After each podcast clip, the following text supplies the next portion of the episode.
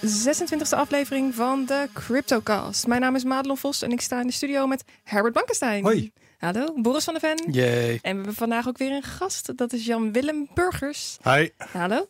Van Eh, Capgemini, hè? yes. Yes. Eh, allereerst eh, wil ik graag even onze sponsoren bedanken. Dat zijn bitonic.nl, bitmymoney.com en satos.nl. Want zonder hen was het niet mogelijk om deze podcast te maken. Eh, ook nog even een disclaimer. Wij geven geen beleggingsadvies. En niets in deze podcast mag beschouwd worden als beleggingsadvies. Wee je gemeente als je het toch doet. ja, foei. Hou je in de gaten. Waarom? En eh, ja, Jan-Willem Burgers, cryptocurrency expert bij Capgemini. En achtergrond als econoom, filosoof, maar bovenal gefascineerd door bitcoin en blockchain. Dat filosoof vind ik wel leuk. Ja, dat klinkt als een hè? fantastisch Ja. gesprek zometeen. Heel Nou, we hebben vandaag weer een heleboel, eh, of gisteren eigenlijk al, een heleboel vragen gekregen via Twitter aan Jan Willem. En ehm, ik zou daar graag eventjes mee willen beginnen. En de eerste vraag komt van Peanut. Ehm, leuke naam trouwens. Blockchain is een datastructuur. Waarom zouden wij aandacht besteden aan bedrijven of instituten die gebruik willen maken van blockchain? Wanneer een bedrijf bijvoorbeeld Windows of eh, van Windows naar Linux overstapt, dan verandert er in de core niks aan het bedrijf. Hoe lang mag mijn antwoord zijn? Whatever you like. nou, kijk, ik ben zelf. eh, vind ik dat eh, het woord blockchain eh, vooral bij die eh, initiatieven van, van be- bedrijven eigenlijk helemaal het verkeerde woord is. Mhm. Dus een blockchain is eigenlijk iets wat bij, bij Bitcoin vooral, vooral hoort. Waar die bedrijven het over hebben, is. kijk, je moet je eigenlijk voorstellen: in de, in de afgelopen decennia zijn er heel veel processen geoptimaliseerd op het gebied van IT bij bedrijven, Mhm. maar niet zozeer tussen bedrijven 1, 2, 3. Dus er zijn een hele hoop ecosystemen, business-ecosystemen, die vrij gefragmenteerd zijn. Denk bijvoorbeeld aan eh, een supply chain voor tomaten, om maar, om maar iets te noemen. Waar al die bedrijven nu op in aan het zetten zijn, is om die ecosystemen beter te integreren. En een klein onderdeeltje daarvan kan zijn het gebruik van een gedeeld grootboek. Niet in de zin dat Bitcoin een gedeeld grootboek is, maar iets wat daar nou misschien eh, heel verreweg een klein beetje op, op lijkt. Dus het is wel totaal anders dan eh, wat Peanut hier schetst. Het heeft niks te maken met eh, van Windows overstappen naar Linux. Maar het gaat echt om de integratie tussen verschillende bedrijven die hun ecosysteem op elkaar moeten afstemmen, als ik het goed begrijp.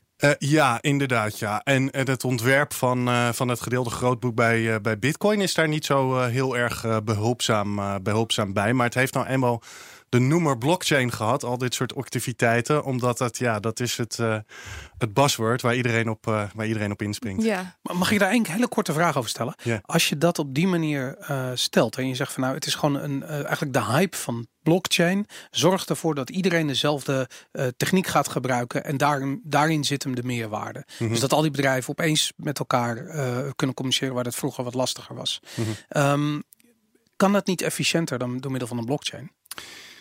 Eh, nou, ik zou niet willen zeggen dat ze, dat ze nu kunnen communiceren waar voorheen niet. Alleen dat, eh, laten we het zo zeggen, dat de, dat de processen en de, en de communicatie ook minder geïntegreerd was dan het kan zijn. En je hebt daar zeker geen blockchain ontwerp voor, voor nodig. Eh, zoals bij eh, Bitcoin, hè, transacties die in blokken worden Ja, opgeslagen. want dat, dat is wat die Peanut eigenlijk zegt. Ja. Van, je hebt dat helemaal niet nodig. Nee, in principe heeft hij daar eh, naar mijn idee gelijk, gelijk in. Wat, je wel, wat wel een meerwaarde kan hebben als onderdeel van dat grotere verhaal, is dat partijen meer er naartoe gaan dat als zij afspraken met elkaar maken, dat zij ook hetzelfde beeld en hetzelfde standaarden gebruiken voor die afspraken. En dat kan wel meerwaarde hebben, maar dat, dat is niet. De- Het, woord blockchain is daar niet de juiste benoeming voor. Ja, dat is wel grappig dat Boris dat zegt. Want eh Peanut kwam daarna terug op zijn vraag. En hij, eh, er was een andere twitteraar die hem wat, wat uitlegde. En toen zei hij, nou dan stel ik mijn vraag opnieuw. Eh, wat is dan de definitie van blockchain? Hoe zie jij Nou, dat? eh, o- om het enigszins filosofisch eh, Wat is jouw te- te, definitie? te maken. eh, we zijn eh, in de filosofie duizenden jaren bezig geweest om definities eh, voor dingen Ja. te verzinnen. Totdat we in eh, begin 20e eeuw met Wittgenstein erachter komen dat er niet zoiets bestaat als eh, definities. Define voor, definitie. voor, eh, voor, voor onze standaard eh, concepten, maar wel typische eigenschappen. Ik zou zeggen dat een, eh, het eerste is natuurlijk aan een blockchain... is dat het blokken transacties zijn die op elkaar gestapeld zijn... en gelinkt zijn via een cryptografische hash. Mhm. Eh, maar dat is niet het enige wat een blockchain is. Want dat is verder niet op zich niet zo heel interessant. Dat was iets wat men al lang daarvoor kon doen. Er is een artikel in, eh, vanuit de jaren negentig bijvoorbeeld van Stornetta en Haber die het daar ook over hebben. Een linked list wordt dit meestal in IT genoemd. Dus dat is op zich niet zo interessant. Wat ik interessanter vind aan, hè, aan, die, aan die lijst met blokken bij, bij Bitcoin zijn eigenlijk twee dingen. Eén, als er een transactie in die lijst komt, dan is hij niet terug te draaien door één of meerdere of, of een paar partijen. Mhm. Uh, en ten tweede, uh, hij is wel terug te draaien als iedereen in het netwerk het daarover eens is. Maar dat, dat, dat, dat zal uh, waarschijnlijk nooit, nooit gebeuren. Of niet heel, niet heel gauw gebeuren. Dus dat betekent als iets erin komt, dat het er niet gauw veranderd gaat worden of eruit wordt gehaald. Dus dat is het eerste. En het tweede, wat ik interessant vind aan uh, de, de Bitcoin blockchain, is dat de regels die daarvoor gelden, dus de regels om transacties te valideren en ze erbij te zetten, ook dat kan niet veranderd worden, zoals we vorig jaar hebben gezien met de No2X-beweging en dat soort dingen, door mm -hmm. één of een paar partijen. Maar moet eigenlijk gebeuren door een consensus van het hele netwerk, met name de full nodes. Nou, dat is wat, he, wat, wat, wat volgens mij uh, de typische eigenschappen van een blockchain zijn en wat het interessant maakt. Oké. Okay. En Help me uh, even, de No2X-beweging, dat weet misschien ook niet elke, elke luisteraar, maar ik oh, in elk geval ja. niet. Oh, nou ja, er was, uh, vorig jaar was de, dus de hele discussie over hoe moeten wij, hoe moeten wij Bitcoin uh, schalen. Oh, en daar was. ja, ja, ja, ja, ja, ja, nee, ja, ja, ja. begrijp ik het beter. Ja. Ja. Ik ga zo'n pet voor je kopen, Herbert. Crypto Fever uh, heeft ook een vraag. Die vraagt namelijk wat interchain nou precies betekent. Het wordt bij Dragon Chain gebruikt.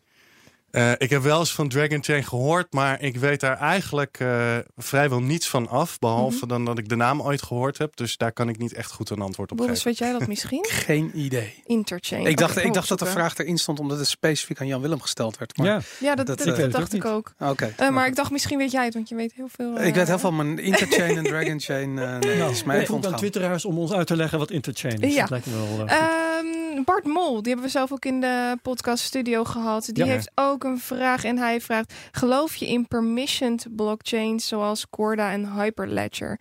Veel bedrijven en dus waarschijnlijk ook klanten van Capgemini richten zich op dit soort blockchains in plaats van de public chains zoals Ethereum en Bitcoin. Ja.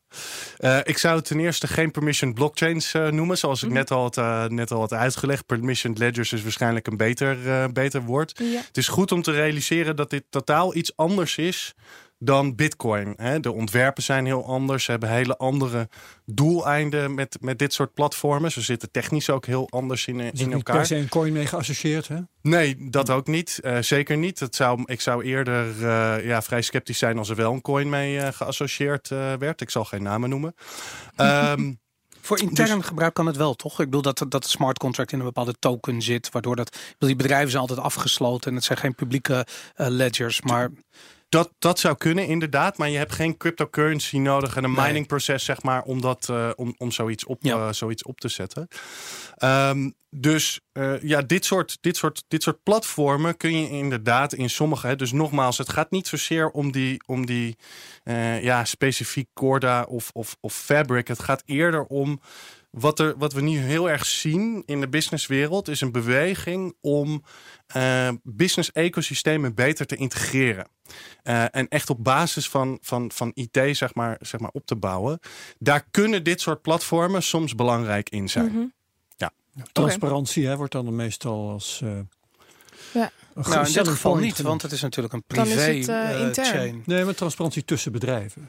In, in een bepaalde supply chain. Transparantie tussen, tussen bedrijven, dat kan soms uh, rele relevant zijn. Uh, ik denk dat de meest relevante uh, mogelijke waarde van dit soort platformen kan zijn bij zogeheten reconciliatieproblemen. Dus er worden in al die IT-systemen worden continu berichten heen en weer gestuurd. En soms komt er een, een bericht ergens wat verkeerd geïnterpreteerd wordt. En ja, dan gaan er dus dingen mis. En dan moeten we dus kijken waar het mis is gegaan, om het heel simpel te zeggen. Dat is ook wat supply chain oplossingen natuurlijk altijd bieden. Eh, ja, Of eigenlijk dus- wat, ze, waarom, wat supply chain, bedrijven zoeken in supply chain oplossingen en waarom ze dit soort technieken gebruiken. Juist, ja. Ja, Ja, ja, oké. ja, ja, Ik moet er overigens er wel bij zeggen dat dit technisch allemaal niet zo heel vernieuwend is.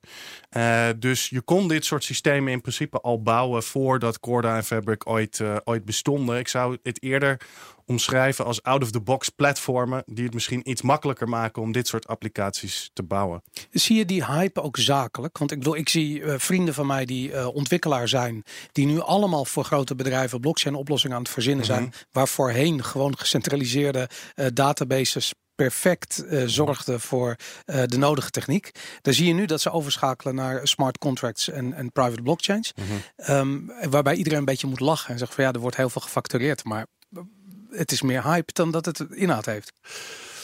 Ehm, ja, er is inderdaad een, eh, een, een, een hele hoop hype. Daar proberen wij zoveel mogelijk eh, door, doorheen te prikken. Vandaar dat we het ook geen, eh, geen blockchain noemen.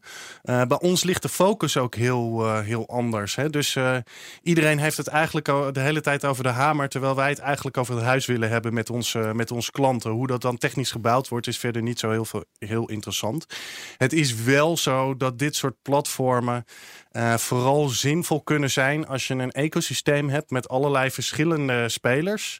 eh, waar niet echt eentje dominant is in het, eh, in het ecosysteem. Dan werken wat meer gedistribueerde oplossingen vaak wat beter dan een centrale database, dan een centrale database ergens. Kijk, voor bijvoorbeeld Amazon boeken verkopen en, en, en, en, en inkopen. Daar werkt de centrale database prima en iedereen is daarmee tevreden. Maar als wij bijvoorbeeld hè, alle, allerlei verschillende grote Europese banken bij elkaar hebben die bijvoorbeeld een supply chain finance platform op gaan zetten, dan gaan ze niet tegen de Rabobank zeggen, nou. Doen jullie het maar. Eh, jullie slaan alle data op jullie management platform en geven ons maar een API en het is verder oké. Dat, eh, dat, Ja. dat is een beetje het idee. Toch vertrouwen, toch dat ding van vertrouwen, wat heel belangrijk is. Ja, Ja, goed. Nou, dus dat, dan gaan we de filosofische kant op doen. Keer. Ja. Gaan we nu even door naar het nieuws. Ehm, laten we met jouw nieuwtje beginnen, Jan-Willem. Heb jij een nieuwtje? Met mijn nieuwtje. Eh, ik denk dat het belangrijkste wat ik van de week heb gezien is het nieuws van BACT. Eh, dus BACT is een eh, initiatief van ICE, oftewel de Intercontinental Exchange. Ehm, dat is onder mede de eigenaar van de New York Stock Exchange. Dus ze hebben een aantal exchanges, waaronder de New York Stock Exchange, maar ook een, een, ja, wat, wat andere services, datadiensten en dat soort dingen voor, voor traders. Ehm, die willen eh, samen met een aantal partners, waaronder eh, Starbucks, eh, die kan ik niet helemaal goed plaatsen, maar eh, volgens mij ook Microsoft en waren een paar andere partijen bij eh, betrokken. En die willen, zover ik het kan begrijpen, één, een exchange aanbieden voor, voor Bitcoin. Mhm. Twee, iets van een, eh, van een custody solution. Eh, en ten derde willen Wat ze is ook dat, een custody solution? Ehm, als grote partijen in Amerika, bijvoorbeeld eh, Walmart, eh, beleggingen willen gaan doen, of pensioenfondsen, of, of wat dan ook, beleggingen willen gaan doen. eh, en die portfolio is meer dan 150 miljoen dollar. Dan moet dat bij, bij een geaccrediteerd instituut zijn. Dus ik, ik kan niet zomaar aan Walmart voorstellen van nou, ik, eh, ik heb custody over jullie eh 200 portfolio van eh, 500 miljoen. Dat, dat kan niet. Dus dat moet bij een geaccrediteerde partij. Ehm, en dat is een beetje waar zij, eh, denk ik, op aan het eh, inspelen. Dus hè, eh, mensen vragen zich vragen af, waar blijft dat institutionele geld nou? Eh, pensioenfondsen kunnen niet zomaar in Amerika in bitcoin gaan, gaan beleggen honderden miljoenen. Want daar moeten gewoon gereguleerde op, daar zijn gereguleerde oplossingen voor. Die Coinbase heeft nu een, Juist, Coinbase ja. custody. Is het dat Ja. nog niet mogelijk? Of is dat gewoon hele kleine... Nou, er zijn. eh, kijk, er is een groot verschil tussen, tussen ICE en eh, Coinbase. Mhm. waarin Coinbase ja, eigenlijk niet, naar mijn idee, niet. ehm, zeg maar de mate van professionaliteit heeft eh, die je zou verwachten Ja. voor dit soort eh, partijen, heeft ICE dat wel. Oké, En Ja. je had ten eerste, ten tweede en eh ten tweede ja. was die custody solution. En ten derde was je nog aan toe volgens mij. Ja, ze, ze willen ook volgens mij iets op de retailmarkt gaan doen. Dat, dat snapte ik niet helemaal. Want ICE doet in principe niets voor, eh, voor retail eh, payment eh, solutions. Maar daar lijkt het op. En ja, daar hebben mensen dus ook volgens mij de conclusie getrokken dat, eh, dat Starbucks misschien Bitcoin gaat accepteren. Wat ze inmiddels weer ontkracht hebben, dat, dat, dat idee. Dus wat ze daar precies gaan doen, dat weet ik niet. Hoe, hoe belangrijk vind je dat een partij zo groot en zo gere- gerenommeerd als ICE eh, zich nu eigenlijk in crypto begeeft? Wat, wat, wat zegt het jou? Ehm, nou, het zegt mij ten eerste dat eh, deze partijen dus duidelijk iets in, eh, in ja, vooral Bitcoin, vooral Bitcoin zien. Eh, dus dat is in principe een goed, eh, goed teken. Eh, ik denk ook dat hè, er is natuurlijk de ja, crypto-anarchistische visie van iedereen moet zijn eigen bank zijn en, en dat soort zaken. Maar we zullen nooit helemaal volledig naar dat model toe gaan. En dat geeft in principe naar mijn idee eh, niet zo. Dat kan. Er kunnen verschillende soorten oplossingen zijn die, eh, die, die, daarin, eh, die daarin bestaan. Dus dat, wat dat betreft vind ik het ook wel een goed idee dat zo'n grote partij als ICE zich daarmee mee bezighoudt. Ik denk waar we voor moeten waken is de echte financialisering van, van Bitcoin. Dus er was van de week ook een hele mooie. Ja, ik wou het zeggen. Je gaat richting dit Trace Mayer interview. Ja, ik wou met net zeggen. Ja, er was een Ja. hele mooie interview inderdaad met Trace Mayer en Caitlin Long heet ze geloof Ja. ik. Eh, daar moet je inderdaad wel een beetje voor waken. Maar, Maar waar, is- waar moet je dan voor waken? Precies, want ik denk dat dat interview was de essentie van wat er nu aan de hand is. De financialisering, de financialization of Bitcoin. Ja, je moet je eigenlijk voorstellen, het feit dat er maar 21, om, om het proberen simpel uit te leggen, het feit dat er, dit is, is het belangrijkste eigenlijk wat ik vind. Dus als je kijkt naar Bitcoin, er zijn 21 miljoen Bitcoins. Ja.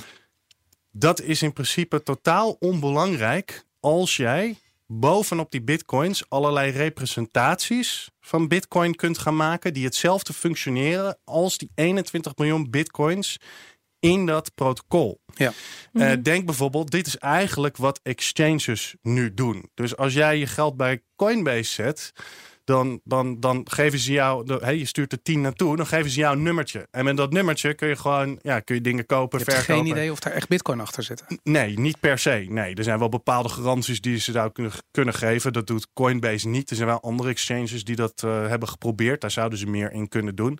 Eh, maar inderdaad, er is geen garantie dat daar, eh, dat daar bitcoins achter staan. Het probleem voor. ehm, eh, het, het, of nou ja, het, het, het, het mooie aan Bitcoin is dat die representaties bij Coinbase nooit helemaal volwaardig gelijk kunnen zijn aan die onderliggende dingen in het protocol. Waarom? Coinbase kan niet zomaar hè, die, eh, dat nummertje, wat eigenlijk geen bitcoins zijn, naar Bittrex opsturen. Dus kijk, hier heb je je echte bitcoins. Ja? Ja. Of ermee betalen. Dus, dus dat is het hele mooie aan, eh, aan bitcoin. Je kunt duidelijk zien of iets een bitcoin is of een representatie van, van bitcoin. Ehm, en ik denk dat de, de, de, de angst waar men het over had in dat interview met Caitlin Lang is juist van oké, eh, maar als wij al deze financiële partijen zien, kunnen ze dan toch niet een manier eromheen te verzinnen om al die representaties op bitcoin te zetten, zodat je eigenlijk die schaarste niet meer hebt en dat het een soort van explodeert. Net zoals dat je bij goud die hele grote papieren Ja, markt hebt. Dat Paper idee. gold. Ja, maar zij zegt niet zozeer dat ze er bang voor is. Ze zegt het gaat gebeuren. We gaan derivaten krijgen gebaseerd te op ver, Bitcoin. want we zijn nog met het nieuws bezig. Ja, ik snap het. Het is een heel fundamenteel ding namelijk van. Want ik ben ook benieuwd van hoe zie je dat die financialization van Zullen we Bitcoin. dat Zullen we daar straks doen? strakjes verder op ingaan? Dan gaan we nu eerst nog de nieuwtjes. Oké, eh, want het gaat over de prijs namelijk. Maar dan moeten we het dan zo En dan, maken. gaan we- dan zet ik hem er even in en dan gaan we er zo verder over praten. Ehm, Boris, eh, zou jij een nieuwtje kunnen Ja, ik voorlezen? twijfelde dus heel erg tussen dat interview van Caitlin. en toen dacht ik van nee, dat gaat veel te diep voor, eh, eh, want dan krijgen we een heel ingewikkeld gesprek. Maar ik zat daarnaast. Ik heb daarin tegen gekozen voor eh, eh, dat twee gamers eh, Bitcoin verstopt hebben in een videogame. Die videogame met No Man's Sky. En eh, als je naar een bepaalde planeet gaat, naar een bepaalde plek in dat universum, dan kun je daar Bitcoin vinden. En om je even aan te geven hoe moeilijk dat is, in die game zitten maar liefst 500 miljard sterrenstelsels. En op één van die sterrenstelsels, daar, is- daar is één planeet. ehm, en op die planeet, eh, het, is trouwens, het zit in het in Endanko-systeem, mocht je de game gaan spelen. eh, daar, daar zit 0,004 bitcoin. eh, en dat is 30 euro of 30 dollar ten tijde van, het, van de publicatie. Ik geloof dat ze er inmiddels wat meer opgestort hebben. eh, maar het idee is leuk. Werkt trouwens alleen voor de PC-versie van de game. En wat is normaliter het doel van die game? Ehm, ja, d- dat is weer een heel filosofisch gesprek. Maar het, eh, eigenlijk is dat doel er niet. Net als in het leven. Je gaat op onderzoek uit en je kijkt wat je ziet en je zoekt wat je kan vinden. En in dit geval dus hebben ze bitcoin eraan toegevoegd. Leuk. Ja. En Herbert, jouw nieuwtje. Ja, eh, dat gaat over John McAfee. Weer eens een keer. En dan moet ik meteen even zeggen dat eh, we hebben via Twitter ook wel aanmerkingen gekregen over ons voortdurende gezeur over John McAfee. Dus Ja. we gaan die index, die McAfee tracker, die gaan we eens een tijdje wat mij betreft Loslaten. eh, loslaten. Iedereen kan die zelf opzoeken. En als er echt iets bijzonders aan de hand is, dan beginnen we er wel weer over. Maar John McAfee heeft zich uh, geassocieerd met uh, een bepaalde wallet, BitFi. En ze zijn zo onvoorzichtig geweest. En denk ik, heb je dan van 20, 25 jaar internet helemaal niks geleerd? Ze zijn zo onvoorzichtig geweest om te zeggen, die is niet te hacken. En wie dat toch voor elkaar krijgt, krijgt uh, een ton. 100.000 dollar. En later zeiden ze, nou weet je wat, toch maar een kwart miljoen. ja, dat moet je natuurlijk nooit doen. Je weet gewoon wat er gebeurt. En dat gebeurde dan ook. Een uh, club hackers uh, is erin geslaagd om dat ding te hacken. Um, uh, waarbij onder andere een Nederlandse twitteraar, OversoftNL, een rol speelde. Dus daar, ben ik mee aan het DM op dit moment. En misschien dat we nog eens een keer een leuk gesprek kunnen voeren. Misschien wel hier. Dat zien we dan wel. Maar in elk geval, die hebben gewoon de firmware van uh, die BitFi weten te hacken. Waarop John McAfee zei van, oh nee, maar dit is geen echte hack. Want je kunt nog geen bitcoins verplaatsen. Ik weet niet of ze intussen verder zijn. Maar in elk geval, die probeerden zich dus onmiddellijk onder het betalen van die prijs uit te lullen. Mm -hmm. Wat overigens een indicatie is van wat er gebeurt als die bitcoin de miljoen eind 2020 niet gaat halen. Ja. Dan weet hij zich ook wel onder zijn uh, belofte daaromtrent uit te lullen. Maar John McAfee heeft maar, wel gewoon zijn 15 bitcoin gehad om het project te, uh, te pushen, toch? Of niet? Wat zeg je? John McAfee is wel gewoon betaald met zijn Om 15 project bitcoin. te pushen. Ja. Oh, dat zal best. Die, Ja. die, die zal die best wel gefactureerd hebben, ja. dus, uh, maar dat is het verhaal van, van de BitFi. En we blijven dat nog even volgen om te kijken hoe het verder gaat. Maar in ieder geval, um, het uh, vertrouwen in John McAfee kan weer een heel klein stukje lager gesteld worden vanwege zijn gedrag hierin. Ja, precies. Uh, ik had ook een nieuw nieuwtje deze week. Ik kwam vanochtend een uh, stuk tegen op de Telegraaf, uh, telegraaf.nl. En zij kopten met de titel: Bitcoin komt nooit meer terug. Mooi. En ik weet nog Is dat wij. ik, ja. ik weet nog dat wij, uh, dat wij vorige week het erover hadden. We hebben de paniek nog niet gehad. De paniekfase dat iedereen zegt Bitcoin is dood en het komt nooit meer goed. En uh, in dit stuk refereerden ze aan, een, uh, aan, een, aan iets wat, wat Goldman Sachs had, had gezegd in een statement. En Goldman die, die gaf aan, nou, Bitcoin komt niet meer op all-time high. En we betwijfelen of die überhaupt nog wel boven de 10.000 dollar uitkomt. En in principe maakt me dat hele Goldman Sachs verhaal niet zoveel uit. Uh, Goldman Sachs heeft hier vast een bepaalde reden achter dat ze dit nu naar buiten pushen. Andere grote partijen doen dit ook. Blijken ze long te zitten, zeggen ze dat ze short zitten. Ik wil hier niks mee suggereren, maar in principe boeit me dat niet zoveel. Het gaat me meer om het feit dat een Nederlandse krant, de Telegraaf, nu kopt dat het over is met de bitcoin. Dat, er is toch zo'n pagina die bijhoudt hoe vaak Hoe bitcoin ja, ja, dood dat is. Nou, dat, dat zal nu wel op uh, Fantastisch. Ja. 350 keer uh, zitten inmiddels. En hoe meer dit geroepen wordt, hoe meer ik denk, ik zit goed jongens. Het Hey, komt allemaal wel goed. En, en is dit zo'n zo'n uh, ANP nieuwsberichtje wat de Telegraaf gewoon blind heeft gecopy-paste? Of is er echt een journalist aan de slag gegaan met bitcoin, heeft een analyse losgelaten en komt tot deze helemaal schokkende conclusie? Nee, dit, dit is wel vanuit... uh, Copy-paste. Ja. ja. het is zomaar ook Het natuurlijk. was gewoon puur verwoording van wat Goldman Sachs heeft gezegd. Maar vervolgens hebben ze geloof ik wel een trading desk. Dus ja, dat kan ik dan ook niet helemaal Ja, begrijpen. Waar, maar Ja. goed, En ze zijn ook bezig met plannen omtrent uh, een exchange en dergelijke, voor wat ik gehoord heb vanuit Goldman Sachs. Uh, dus dus dit, is een vaag bericht, maar het gaat me meer om het feit dat dit nu zo uh, gekopt wordt en dat het in ieder geval dat we misschien wel richting de bodemfase toe gaan. Ja. Dat zou heel erg fijn zijn. Ja. Ja, jij, Ehm, jij, jij noemt het trouwens vaak paniek. Ik denk de, de, de fase die, die jij bedoelt, ik, ja, dat voel ik niet als paniek. Nee? Nee, het is meer uh, apathie of ver- vergeten of iets dergelijks. Of, of, of hopeloosheid. Dat komt omdat ons, ons spel ja. virtueel is. Hè? Maar als je er echt met een miljoen in zit, Daar, dan, eh, eh, ja, nee, maar bij, bij paniek past, vind ik, eh, een, een, het, het kelderen van, van de waarde. Ja, angst. Terwijl eh, de fase die jij bedoelt, die hadden we dus, eh, eh, ik denk begin 2015 of zo. Dat het nog wel een heel klein beetje naar beneden gaat, maar eh, eigenlijk nauwelijks meer. Ja, die uitbodemingsfase bedoel jij? ja, om, omdat niemand meer aandacht besteedt aan Bitcoin. nou, ja, maar- maar, maar toen, de echte traders onderling, die waren wel echt aan het huilen achter hun computer. Op het moment dat jij nog met je hele en hebben en houden in die cryptomarkt zit, ondanks Ja. dat je er geen nieuws meer over hoort, doet dat wel ontiegelijk veel pijn. En de mensen Ja. die het er nog wel over hebben, die laten dat echt wel blijken. Maar daar hoor je dan in de media Nee. niks over. Ik zie Ja. het wel hoor. Ik zie, en eh, gisteren ook BitPie eh, heeft een tweet gestuurd waarin ze zeiden van we kappen ermee, het is gemanipuleerd. En dat soort berichten, die rage quits, dat is wat je dan zoekt. Ja, maar Bit, BitPico heet het. Oh, BitPico. Ja, die, die, die moet je volgens mij niet al te serieus nemen. Die hebben verder niet zo heel veel eh, consequenties. Maar zolang eh, al die altcoins, zoals Ethereum, eh, boven een paar dollar staan, eh, vraag ik mij af of we de bodem wel bereikt hebben. Geweldig. Zo, We hebben hier een wat maximalist aan tafel. uitspraak. nou, dan kunnen we gelijk door naar de prijsanalyse. Nou, wel, ja. Eh, ja, eh, ja, dat was dus gewoon best wel een beetje drama afgelopen week. We zijn door de supports die we heen hadden heen gezakt. We hadden nog een klein beetje positieve divergentie begin deze week. Die kwam ook niet heel ver. En eh, nu bungelen we zo rond de, even inzoomen, 6.325 dollar op dit moment. En de kans dat wij eh, richting die 6.000 eh, eh, gaan is toch best wel aanzienlijk. En die 5.900 zou ook nog wel kunnen. Dat, daar heb ik eigenlijk geen twijfel over dat we nog die kant verder opzakken. En dan is het afwachten of we door die, eh, die belangrijke grens heen gaan. En als dat gebeurt, dan komt die 3000 dollar toch weer in zicht. Sorry, ik moet het Ja. echt zeggen. Ja. 3200 Nee, maar weet je- zou dan het potentiële koersdoel Het kunnen feit zijn. dat het nu nog zo vol- volatiel is, hè, van eerst twee weken stijgingen en nou weer twee weken eh, eh, dat het allemaal naar beneden kiepert. Dit noem ik dus paniek, hè, wat het nu, dat het nu zo ontzettend zeker. naar beneden dondert. Ja. Dat zegt mij dat het nog lang niet gebeurd is. Mag, mag ik jullie een vraag stellen? En ik wil Mhm. hem ook aan Jan Willem v- stellen. Maar eh, denken jullie, eh, dit is natuurlijk een beetje gebaseerd op dat nieuws dat die ETF eh, Ja. vooruitgeschoven is. Ja. Dat wisten we allemaal al eh bij wijze van spreken twee maanden van tevoren. Dat zag iedereen aankomen. Ja. Dan komt dat nieuws er en dan stort die zo hard naar beneden. Ja, maar weet je wat het is, Boris? Er was zoveel positief nieuws omtrent die ETF. Ik zei toen ook al, Ja. toen hadden we Marius Jansen in de studio.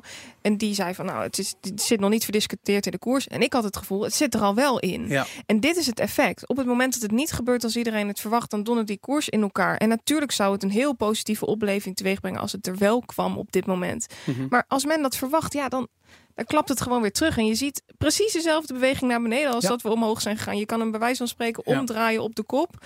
En eh, ja, Dus het zat gewoon in de prijs. En het was gewoon 2000 dollar van de prijs was ETF nieuws. Ja, maar je moet er ook niet van uitgaan dat eh, al dit nieuws allemaal rationeel eh, verwerkt wordt eh, door iedereen. Er is in in principe niet zo heel veel gebeurd. Eh, iets wat al te verwachten was inderdaad. De datum eh, wordt verschoven. Iedereen kon dat zien aankomen. ja.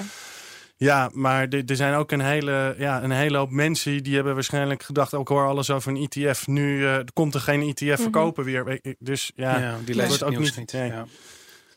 Of Ja, juist wel. Of en volgen dan- het niet goed. ja. Of, eh, ja, dus, Ja. eh, ja. En onge- ongetwijfeld zullen er ook grote traders zijn die hier misschien op inspelen. Absoluut. Ja. Waar gaat het dan nog heen, Madelon? Ja, voor nu eh, zie ik die, eh, die, die 6000 echt wel in, in zicht. En 5900 eventueel ook. Als we daar doorheen zakken, dan heb ik denk ik ook wel een beetje paniek.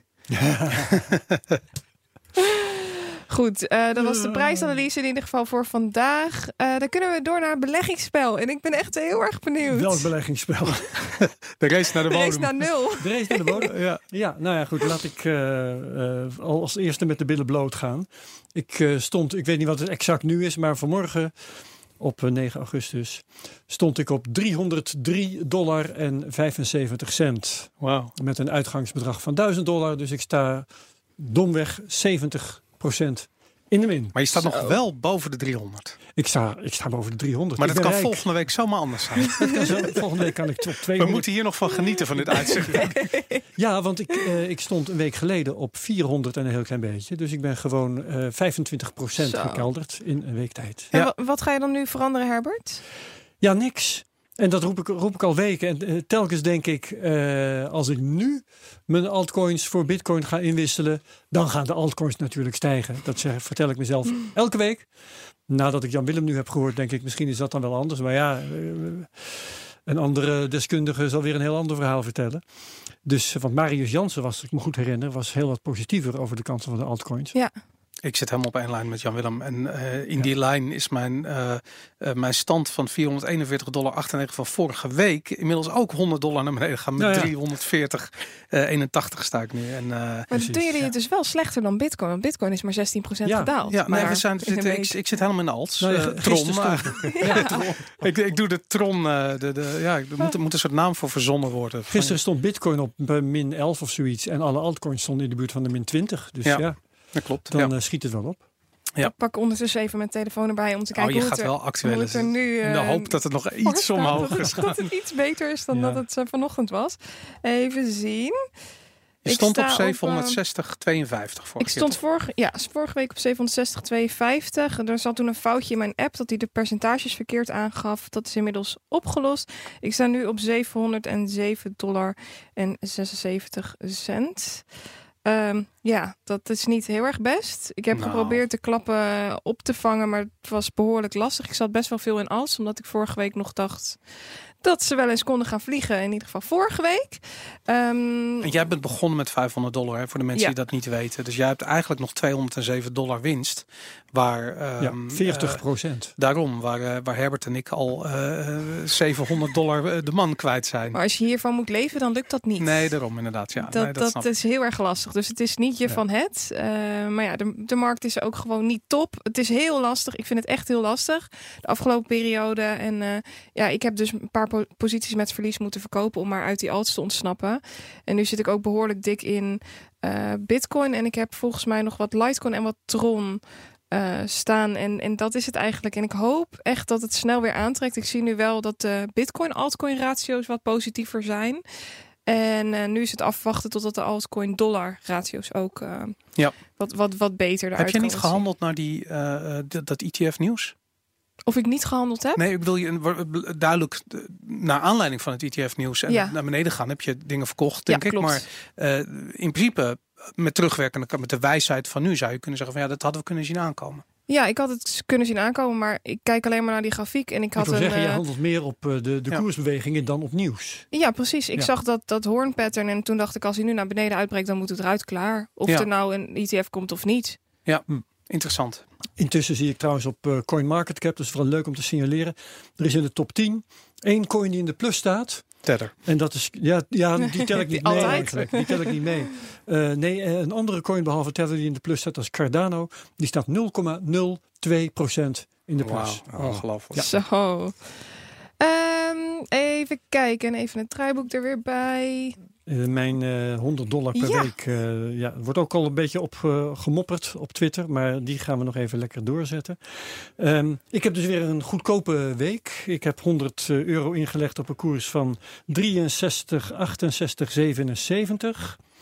En natuurlijk sta ik ook in de min. Maar ik heb in elk geval dus eh, een partijtje bitcoin. Eh, Voor mijn 100 dollar kreeg ik 0,0157 bitcoin.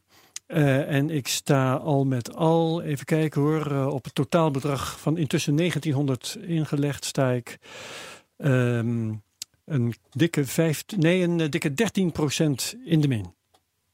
Ik heb 1642 dollar na 1900 dollar te hebben ingelegd. Maar ik in geval negatief, maar ik denk dat het toch positief is inderdaad. Ja, dit is vrij positief. Het is beter dan. Ja, eh, ik vind, ja. Ik, vind, ik vind dit leuk. Ja. En eh, ik sta in de min, maar ik krijg goedkope bitcoins. Dus eh, voor op termijn is dat waarschijnlijk heel gunstig. Nou, mooi. Nou, top. Ja. Dan gaan we nu naar eh, Jan Willem. Hartstikke gaaf dat je hier eh, bent vandaag. Even kijken, ik pak mijn dingetje er weer bij. Top. Eventjes eh, voor de mensen, voor de luisteraars. Ehm, wanneer heb je voor het eerst gehoord van Bitcoin en blockchain? Dan gaan we daarna even wat verder de diepte in. Ehm, volgens ik heb het voor het eerst eh, van Bitcoin gehoord al behoorlijk lang geleden. Ik denk dat het ergens in 2010 of 11 al eh, was. Dat ik een keer Mhm. een artikel eh, ergens ben tegengekomen. Ik snapte er helemaal niks van. Eh, ik heb het toen, eh, ik weet nog eh, dat ik het aan een, een vriend van me vroeg. Was je toen jij- student of zo? Of, eh, Eh, nee, ik was onderzoeker aan de universiteit. Oké. Ja, Ja. en eh, dus ehm, ja, nee, ik snapte er helemaal niks van. Ik heb het nog aan een eh, collega gevraagd en eh, een collega slash vriend. En die wist het ook niet. En ik dacht dat het een soort van creditcard was of PayPal. En ik heb het genegeerd. En eigenlijk eh, ja, ben ik in de jaren daarna ben ik het wel eh, een, een paar keer eens tegengekomen. Maar ik snapte het nooit echt. Mhm. En toen uiteindelijk in 2013 Eh, ja, toen zag ik een hele hoop over de, over de prijs en, en, en ook over de, de, de dark markets en dat soort dingen. En toen begon ik me wat meer voor te fascineren. Dus toen ben ik er wat meer, uh, meer in gaan kijken.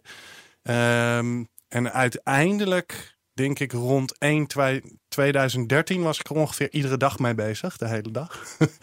um, in de loop van de koersexplosie van ja. toen. Uh, ja, ik had toen zelf uh, nog, niet echt, uh, nog niet echt bitcoins, maar ik vond het wel allemaal heel fascinerend. En, en, en ja, toen ik bitcoin steeds iets beter, of toen de tijd dacht ik dat ik Bitcoin steeds iets beter ging begrijpen. Uiteindelijk begreep ik er nog steeds niet zo heel veel van. Uh, vond, ik het, uh, vond ik het wel heel, uh, heel, heel interessant. Want het, ja, het had politieke raakvlakken, economische raakvlakken, cryptografie raakvlakken, IT. Dus dat vond ik allemaal heel erg, heel erg interessant. En, en wanneer besloot je dan van, nou, nu ga ik meedoen in deze hype, om het zo maar te zeggen? Um, nou, ik ben, eigenlijk is het een soort van, van hobby van mij alleen geweest ongeveer voor een, uh, voor een jaar. Ik kende ook alleen maar mensen online. Ik had nooit iemand in het echt ontmoet die ooit iets met bitcoin had gedaan. En uiteindelijk is er in 2014 is er een congres geweest in Amsterdam. Een heel groot congres. En toen dacht ik, ja, ik, ik, ik zit hier inmiddels al een jaar in.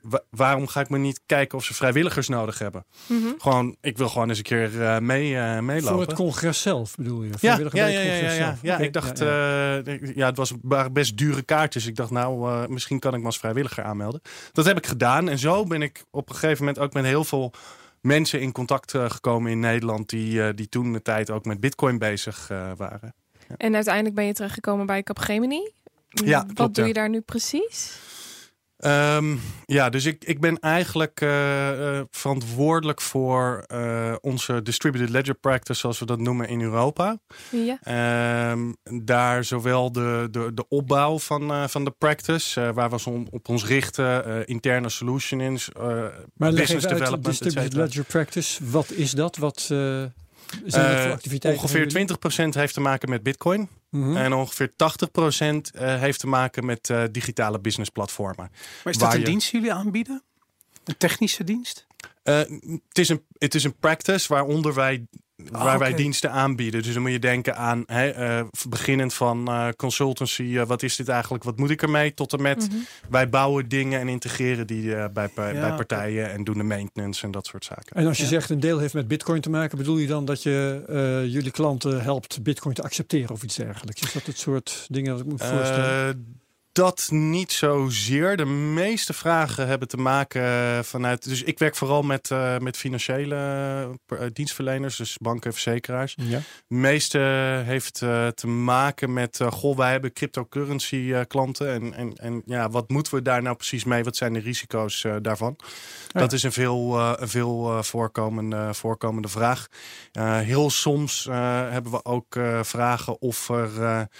Uh, ja, over andere zaken. Maar dat is, dat is een beetje de hoofdvraag. Dus algemene kennis en dan vaak specifiek over dat, uh, over dat uh, probleem. Hoe, hoe gaan die gesprekken als een bank bij jou komt en die zegt dan van... nou, vertel mij eens eventjes wat we moeten doen met crypto of met bitcoin? Uh, heel verschillend. Uh, sommige mensen zijn er uh, heel enthousiast over, zien ook wel de waarde in, snappen ook wat het, wat het is en zouden er eigenlijk veel meer mee willen als bank zijnde. En sommige mensen zijn enorm huiverig voor alles wat met Bitcoin te maken heeft. Dus daar is niet, daar is niet één mening over. Ik zou wel zeggen dat ik denk hè, als ik kijk op crypto Twitter, laten we maar uh, zeggen, het, het idee dat alle banken extreem tegen bitcoin zijn, dat, dat is denk ik uh, een tikkeltje over, overdreven. Dus ik denk dat, dat, ja. dat ze bij de banken, dat er, er, best wel mensen zijn die daar iets meer open in staan dan, uh, dan over het algemeen wordt ja, Wat je heel vaak hoort natuurlijk, is dat banken vaak wel in de technologie geloven, maar niet zozeer in bitcoin als zijnde betaalmiddel of... Ja. ja, daar komen sommige van die partijen nu een beetje op terug. En dat is uh, terecht ook, want deze mhm. slogan klopt niet. Dus, uh, bit, Waarom klopt het niet volgens jou? Uh, Bitcoin is.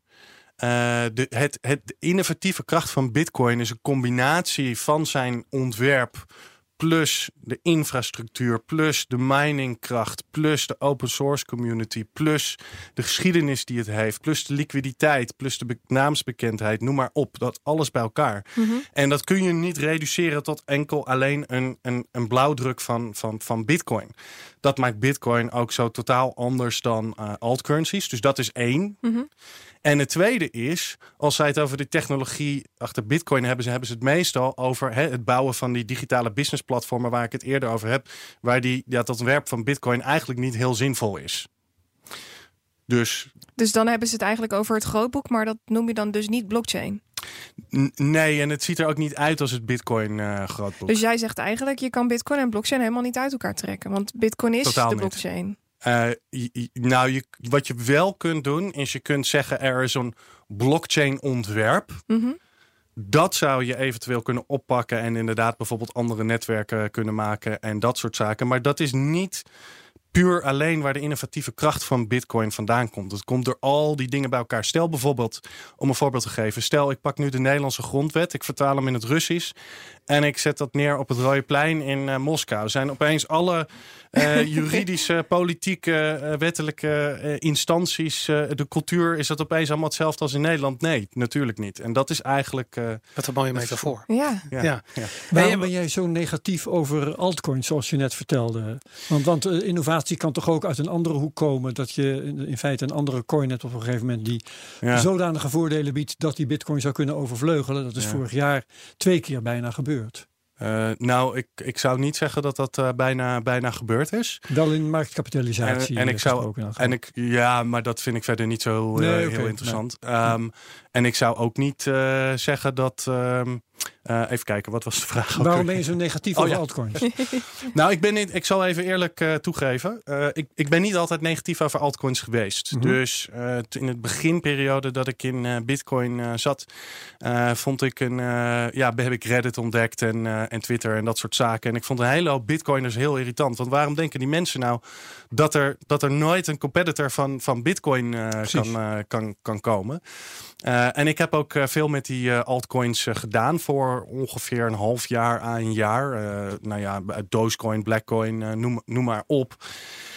En op een gegeven moment, ja, door de tijd heen ben ik ja, allerlei inzichten gaan krijgen. Waar ik me op een gegeven moment afvraagde van ja, ik heb dit volgens mij helemaal verkeerd, in, eh, verkeerd ingezien. En de redenen daarvoor zijn, is nogmaals eigenlijk wat ik, wat ik, wat ik net zei. Eh, ja, het, is niet één reden, er zijn een hele hoop dingen die bij elkaar komen. Het is de veiligheid van het netwerk. Ja, het was de eerste. Eh, het is een hele opsomming van allerlei verschillende dingen. En mover advantage. ja, en CoinMarketCap geeft gewoon totaal geen goed beeld van hoe, deze ecos, van hoe deze blockchains met elkaar in verhouding staan. Dus als je mij vraagt naar de dominantie van Bitcoin in het ecosysteem, is dat boven de 99% Als je al die factoren bij elkaar gaat optellen. Ja. Ja, heeft dat ook te maken met het feit dat Bitcoin eigenlijk pas begrepen kan worden als je economie begrijpt, als je de techniek begrijpt en misschien wel eigenlijk financiële markten begrijpt. En dat dat drie dingen zijn die bij elkaar komen. Waar, er zijn geen specialisten op dat gebied. Dus voordat je zelf dat, dat, dat cognitieve proces hebt doorgemaakt, dan pas zie je het totaalplaatje. I- Ja, zeker. Dus hè, Bitcoin heeft met de geschiedenis van geld te maken. Het heeft met speltheorie. Hoe werkt het huidige financiële systeem? Cryptografie. Dat, dat zijn alle zaken die bij elkaar komen. Dat is heel erg lastig. Maar ik zou er nog een tweede aan toevoegen. Eh, Bitcoin is ook echt iets nieuws. Het is een nieuw categorie ding. Dus wij kunnen het ook niet echt aan iets relateren. Mensen noemen het vaak een be- betaalsysteem. Maar dat is eigenlijk niet een hele goede manier om, om Bitcoin eh, direct te zien. Het was bij wijze van spreken in het begin van de 20e eeuw hadden mensen het vaak over pratende foto's. En dat kwam omdat films net uitkwamen en dat mensen niet konden plaatsen precies in hun hoofd wat nou een film precies was. Dus noemden ze het maar pratende foto's. Maar dat mist een beetje de essentie van een film. Ja. En dat is hetzelfde als je Bitcoin een betalingssysteem noemt of wat dan ook. Ja, ja je, bent, je bent goed in die metaforen. Ja.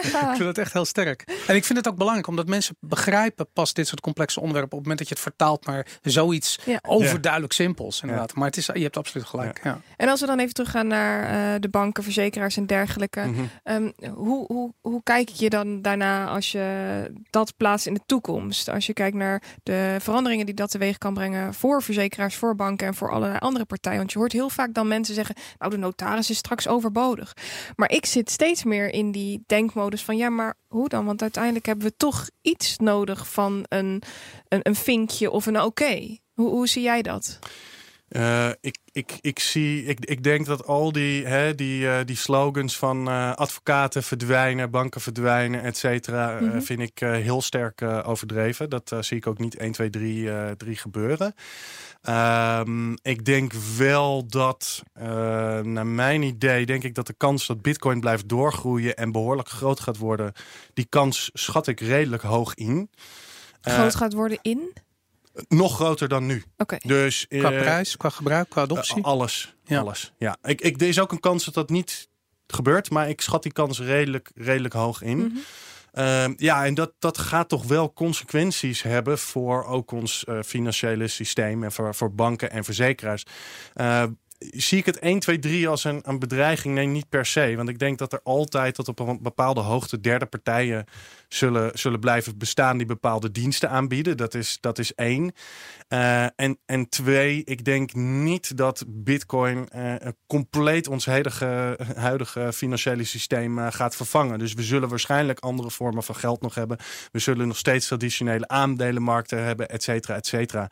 En ja, dus dat, die, die, die partijen blijven gewoon in en je kan hem door, natuurlijk op twee manieren insteken. Je kan het zien als Bitcoin is een bedreiging, omdat Bitcoin steeds groter wordt op allerlei verschillende fronten. Maar daarnaast maakt Bitcoin het met de techniek mogelijk om voor een, een bank of een verzekeraar uh, sneller, veiliger, noem het allemaal maar op. Uh, uh, dingen te kunnen doen die ze voorheen niet konden. Of die ze voorheen niet zo snel of zo veilig konden. Uh, ja, nee, maar dan hebben we het weer volgens mij een beetje over dat verhaal over die technologie achter Bitcoin die zij gebruiken, waar ik dus niet zo sterk uh, in, in geloof. Mm -hmm. uh, ik, ik, ik denk wel inderdaad dat als Bitcoin groot wordt, dat ook die banken en verzekeraars daar dingen mee zullen moeten en eventueel ja. daar diensten op moeten zullen aanbieden. Denk bijvoorbeeld alleen al, hè, als we het over ICE hebben die een custody solution ja, aan willen bieden, dat, dat moet verzekerd worden. Hè, of, of, of een gewone particulier die uh, ja, wel bitcoins wil vasthouden, maar niet compleet verantwoordelijk wil zijn alleen maar voor zijn eigen bitcoins. Dus stel, uh, uh, iemand is een, een, ja, heeft een hele hoop geld, wil 50 miljoen aan bitcoins. Je kunt je voorstellen dat hij daar misschien een gedeelte van zelf zou willen beheren voor bepaalde risicoscenario's tegen te gaan. Maar je kunt je ook voorstellen dat hij in ieder geval gedeelte daarvan ergens bij een andere partij wil plaatsen. Dus daar, daar, zullen wel degelijk consequenties zijn. En ik, ja, weet je, ik zou ook aanraden. En één eh, ik, ik vind tot nog toe bij de financiële instellingen is, is Bitcoin een klein beetje een blinde vlek. Dat begint wel te veranderen overigens, want mm -hmm. ze zijn er wel steeds meer in geïnteresseerd. Maar dat zou ook mijn ad advies zijn. Uh, negeer dit nou niet compleet en ga daar nu gewoon naar kijken wat dat eventueel allemaal voor je kan betekenen. Ik wil daar, daar graag nog even op inhaken, want we hadden nog een tweet en die heb ik even naar achter geschoven. Dat was van Law of Math. En uh, ja. die, die, gaf aan um, dat hij dus ook een heleboel belangrijke schakels ziet voor bijvoorbeeld financiële wereld, robotics, artificial intelligence, noem het maar op. En hij vraagt zich af wat uh, jouw realistische blockchain-utopie is. Ik, ik, ik geloof niet in uh, utopieën. En ik heb, ik heb ook geen blockchain uh, utopie. ik, ik geloof waar ik wel wil. En dat is uiteindelijk waarom ik. Hè, want niets is, niets is ooit alleen maar goed en slecht. Nee. Dus Bitcoin zal ook niet de wereld alleen maar goed of alleen maar slecht uh, veranderen. Maar mm -hmm. ik heb mhm. uiteindelijk een optelsom gemaakt van dingen die ik aan Bitcoin belangrijk vind. Ja. Eén, ik ben er redelijk van overtuigd dat het feit uh, en dat is zeker als je naar landen en Venezuela, Zimbabwe, et cetera kijkt. Maar ook, ook in onze eigen westerse wereld. Dat er partijen zijn die ons geld onder controle hebben. Ik denk goed dat het is om een alternatief te hebben. Ja. Dus, dus dat is één. Uh, en twee, die financiële, financiële vrijheid. Uh, waaronder ik ook privacy uh, zou, zou, zou scharen. Want dat is een onderdeel van die. en, en dat vind ik iets wat, wat, wat denk ik goed is om in de wereld te, er, er te zijn.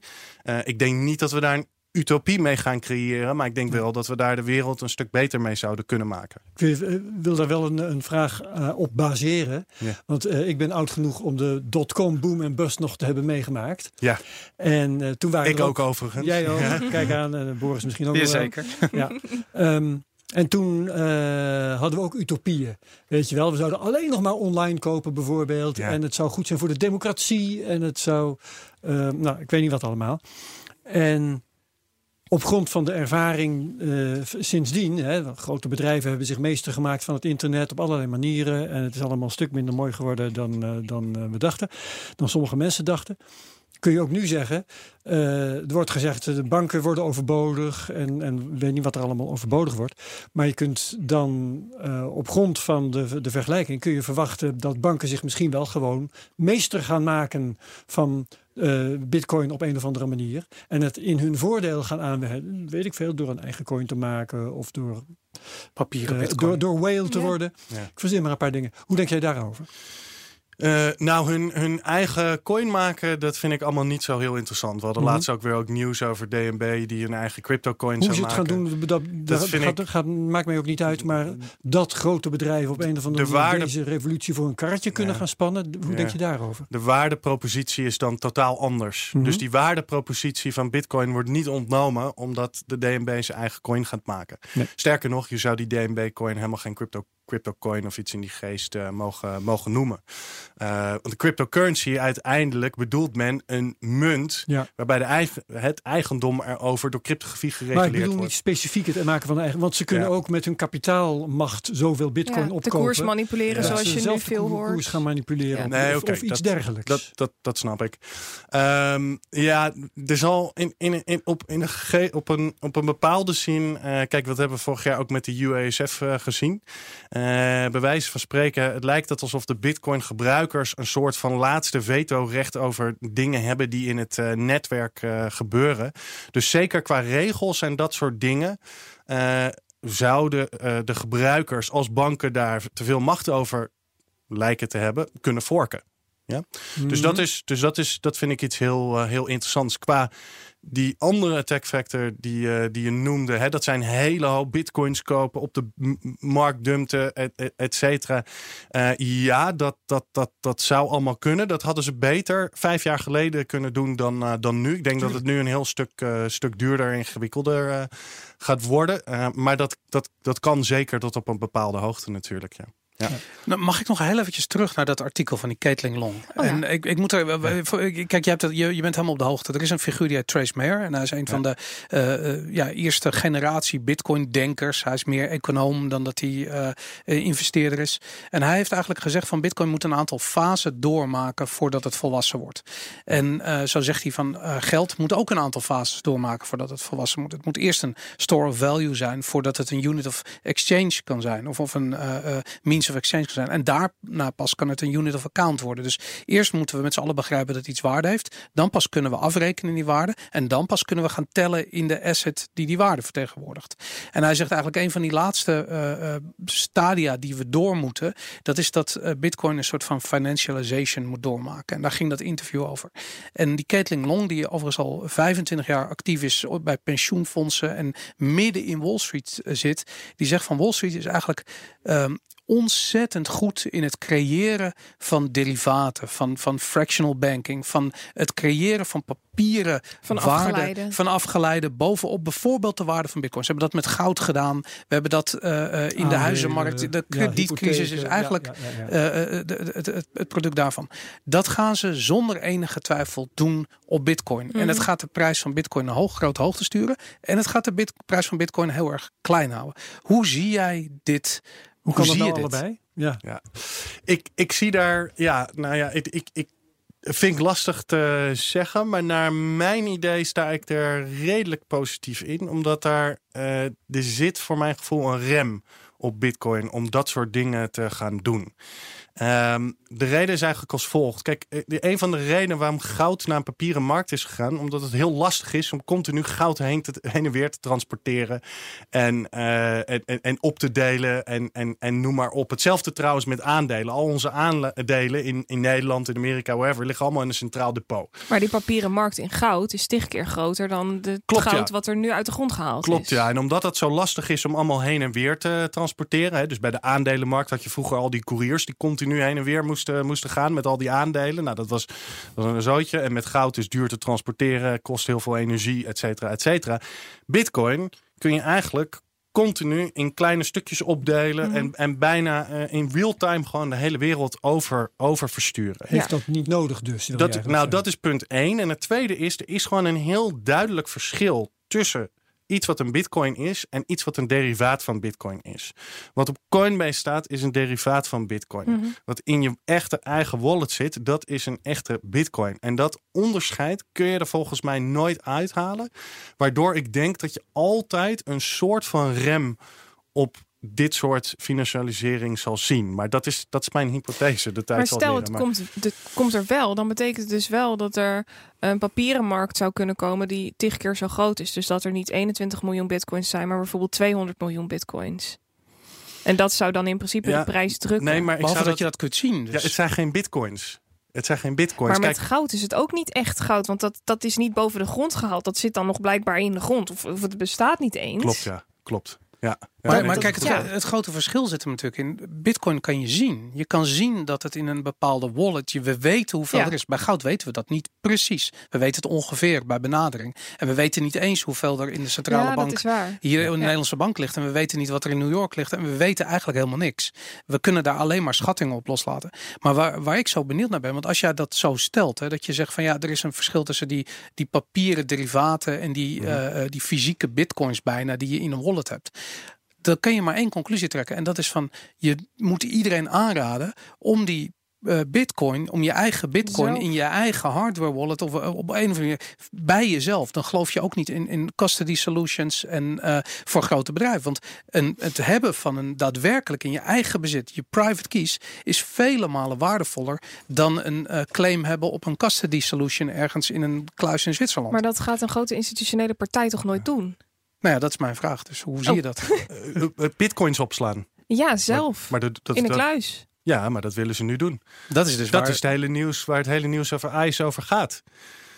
Maar dat is toch juist wat meer custody-achtig dan... Maar de, ga- de, de vraag is, wie gaat de persoon zijn die zegt van ik hou al jullie bitcoins veilig? Maar ik zou het iets anders willen schetsen. Mhm. Want ik denk dat je uiteindelijk een hybride model gaat krijgen. Eh, dus eh, sowieso nu zou ik mensen over het algemeen aanraden. Behalve als je echt helemaal geen idee hebt hoe dit soort dingen werken. eh, dan kun je proberen een, een goede partij te vinden die het meest betrouwbaar is. Het liefst in je eigen land. Maar eigenlijk Ja. moet je proberen zelf je bitcoins op te slaan. Mhm. Zeker als het om grotere bedragen gaat. Op een hardware wallet. Mhm. Trezor is, is naar mijn idee nu de beste. Er zijn wat andere. Ehm, maar op een gegeven moment zul je wat meer hy- hybride modellen ook zien ontstaan. Want daar is denk ik, je, je wil niet volledig je eigen, dat eigen risico voor al je, als je echt veel bitcoins hebt, voor al je dat risico helemaal alleen zelf dragen. Dat kun je misschien voor een gedeelte van je bitcoins doen. Maar voor een ander gedeelte van je bitcoins kun je bijvoorbeeld voorstellen dat er een centrale custodian is. Maar waarbij de controle over wat zij voor jou opslaan en de diensten, dat die niet volledig bij hun ligt. Bijvoorbeeld met een Multi-signature. Juist, ja, Dat soort zaken. En daar, eh, daar zie ik wel een hele hoop eh, opties in. En dan tenslotte kun je misschien nog echte custodians hebben. En dat kan weer andere voordelen hebben. Dus ik ben, ik ben niet zo... eh, ik, ik zou nu over het algemeen wel mensen aanraden... om over het algemeen hun eigen crypto eh, op, te, op te slaan. Eh, maar in de toekomst denk ik wel dat er, dat er iets meer vertrouwen... ook in dit soort partijen zal, zal gaan... bij dit soort partijen zal gaan ontstaan. En dan zie ik ook goede argumenten voor wat meer hybride portfolio's.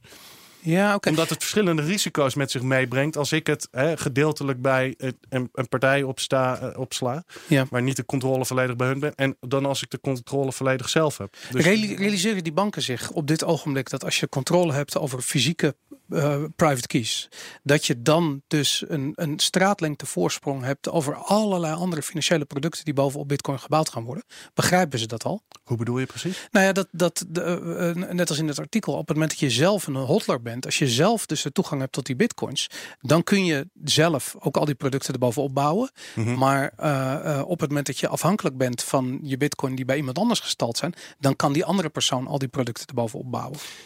Ja, ik weet niet. eh, kijk, ik denk dat dat verschilt per bank tot eh, bank. Over het algemeen eh, zou ik zeggen dat nogmaals in de financiële dienstverlening de grote partijen redelijk achter eh, lopen met hun kennis over eh, dit soort zaken. Als je kijkt naar de echte mensen die al heel lang in het ecosysteem eh, zitten.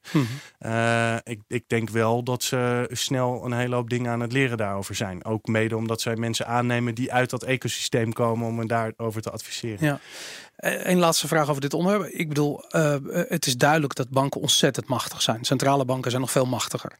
Um, als die op een gegeven moment zich volledig doordrongen zijn van het feit dat ze die controle moeten hebben over zoveel mogelijk private keys, of tenminste zoveel mogelijk bitcoin, door middel van het in het bezit hebben van eigen private key. Denk je niet dat we het risico lopen om een scenario die we, wat we zagen in Amerika op een gegeven moment toen de goudstandaard werd losgelaten, dat het bezit van fysiek goud verboden werd en mhm. ook in beslag werd genomen, dat we dat risico opnieuw gaan zien rondom Bitcoin? Ik denk dat het risico bestaat, maar ik denk dat het risico minder groot is. En uh, ik denk ook dat dat mede uh, te maken. Dat heeft één met het gemak van Bitcoin uh, te maken. Twee, dat je heel duidelijk dat uh, verschil kunt aantonen. En ik denk ook dat het een cultuuromslag moet, moet, moet hebben. mensen. mede om, omdat hè, als, als je nu, de meeste mensen hebben niet meer dan 100.000 euro op een bankrekening. Wat betekent dat als die bank omvalt, dat zij daarvoor verzekerd zijn? Wij zijn gewoon niet meer goed gewend, naar mijn idee, om zorg te dragen voor ons eigen geld. Ja. Om echt goed mhm. verantwoordelijkheid te nemen voor ons eigen geld. En dat moeten wij meer gaan doen. Ik zie ook heel veel mensen die hè, nu met die, met die verdwijning van cash eigenlijk in onze wereld. En dat zie je op allerlei plekken. In, in Utrecht in het centrum kun je op heel veel plekken kun je gewoon niet meer met cash betalen. ik vind dat echt een slechte ontwikkeling. En mensen snappen ook het nut niet van het vasthouden van cash. Denk eens na, als je, als je bank omvalt of als je bank sluit of, of wat dan ook, heb je gewoon geen geld meer. Ja, ja. Nou ja goed. Lang leven de oude sok. Ja. ja. Laten we daarmee afsluiten, want we zijn door onze tijd heen. Jan-Willem Burgers ja. van Capgemini, heel erg bedankt voor je komst. Dank jullie wel. Bedankt. Dankjewel. Ja. Herbert, ook bedankt. En Madelon Vos ook bedankt. Yes, en de luisteraars bedankt. En tot volgende week.